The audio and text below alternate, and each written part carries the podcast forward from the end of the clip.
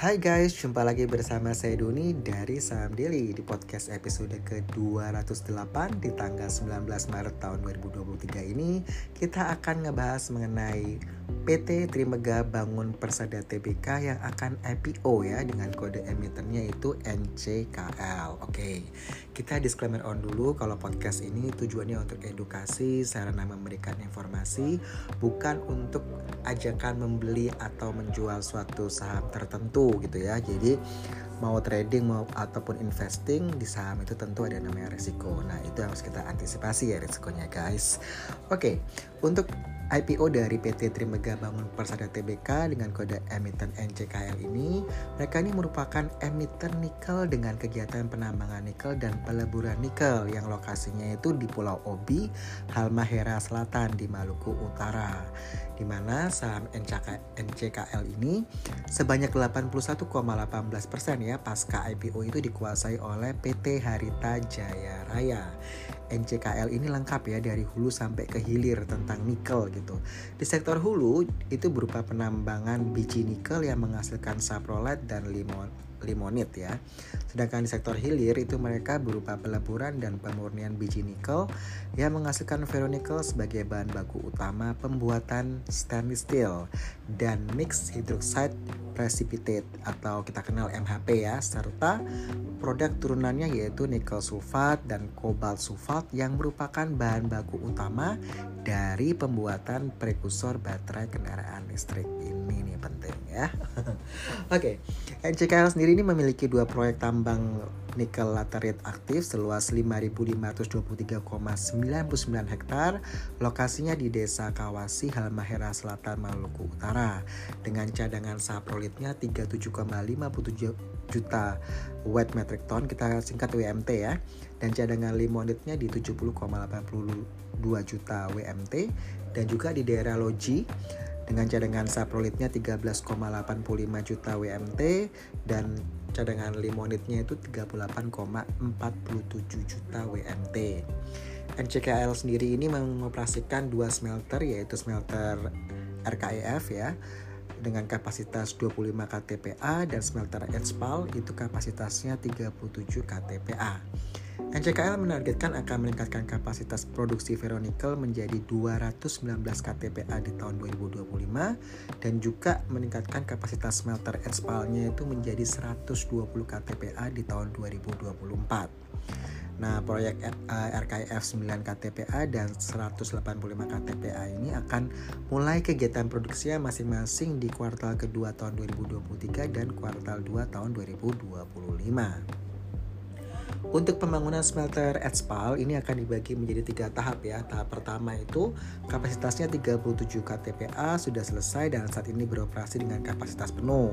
Sedangkan tahap kedua itu kapasitas 18 KTPA. Jadi kalau total kapasitas yang tadi itu 37 tambah 18 menjadi 55 KTPA itu akan mulai aktivitas produksi di kuartal 1 2023 ini. Sedangkan di tahap ketiga itu adanya tambahan produksi sebesar 65 KTPA dari anak perusahaan Legend itu merupakan mitra dari NCKL yaitu ONC di mana NCKL ini hold 10% saham ONC itu mulai kuartal 1 2024 akan meningkatkan total kapasitas Etspal uh, eh, NCKL ini menjadi 120 KTPA. Nah, NCKL ini memiliki dua konsesi proyek tambang nikel di Tabuji Lawi dan juga di Jiko Dolom. Ini cadangan saprolitnya 3,63 3,63 juta WMT dan limonitnya di 4,54 juta WMT dengan luas wilayah sebesar 3.660,24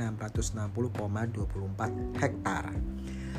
Kalau kita lihat data dari uh, hingga September 2022, NCKL ini menghasilkan penjualan uh, eh, 5,5 triliun itu plus 1,9 triliun ya. 5,5 triliun ini 3,9 triliunnya dari Legend Resources dan Teknologi Kodo Ltd Cina. Sedangkan 1,6 triliunnya dari Glencore ya, uh, dari Swiss ya. Untuk yang 1,9 T itu dari PT Halmahera Persada Legend. Kalau kita tarik data lagi di uh, hingga November 2023 NCKL ini meraih pendapatan 9,04 triliun, dia naik 17,32% dibandingkan periode yang sama tahun sebelumnya. Sedangkan laba periode berjalan naik 207,95% dari 1,39 triliun per November 2021 menjadi 4,30 triliun per 30 November 2022.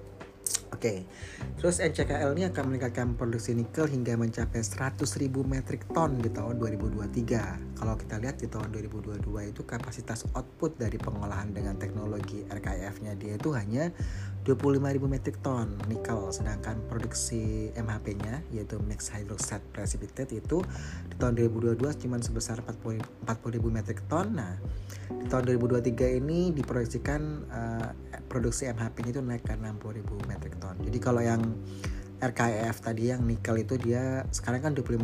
Nah, itu nanti tahun 2023 diprediksi naik 100.000 ton sedangkan yang MHP-nya itu kan di tahun 2022 40.000 metrik ton. Nah, di tahun 2023 ini prediksinya naik hingga 60.000 metrik ton. Dan yang menarik lagi, NCKL ini berjanji untuk membagikan dividen kepada pemegang saham maksimum 30% dari laba bersih.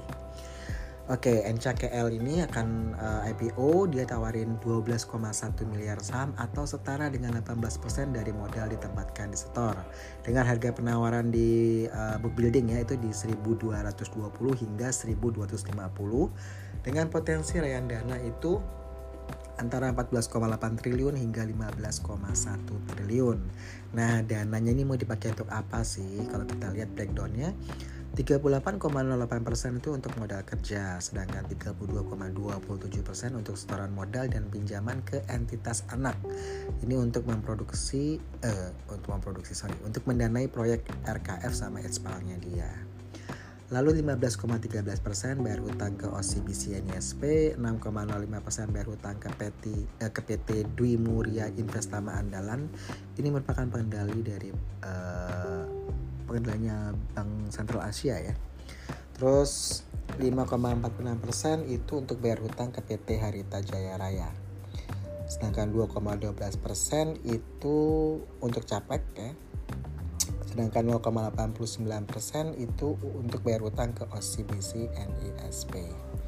Jadi memang benar ya kalau tadi lihat ada 6,05% bayar hutang ke PT Dwi Muria Investama Andalan itu dia ada pegang sahamnya BCA 54,94 persen. Jadi emang tadi benar kita bilang bahwa PT Dwi Muria Investama Anggaran ini merupakan pengendali dari Bank Sentral Asia gitu ya. Jadi teman-teman bisa cek di uh, shareholder compositionnya Bank Saham BBCA itu ada mereka pegang 54,94 persen gitu. Untuk jadwal penawaran umum itu di tanggal 5 hingga 10 April 2023. Underwriternya adalah Mandiri Sekuritas. Itu ya uh, teman-teman yang DM-nya banyak banget uh, tanyain mengenai IPO-nya grupnya Harita ini. Jadi semoga bisa mendapatkan gambaran. Nanti mungkin kalau sempat kita akan uh, publish di kita punya website di sahamdaily.com okay? untuk IPO lainnya kalau ada waktu kita share juga tadi tapi yang paling banyak sih karena yang minta di review yang Trimega bangun pasar TBK kode emiten NCKL ya nanti mungkin yang IPO IPO lainnya kita pertimbangkan apakah akan kita buat podcastnya atau enggak Oke, okay? ini semua cuma untuk edukasi, untuk info ya. Jadi bukan untuk ajakan untuk harus beli saham ini tidak ya. Oke, okay? saya Doni dari Saham Daily out.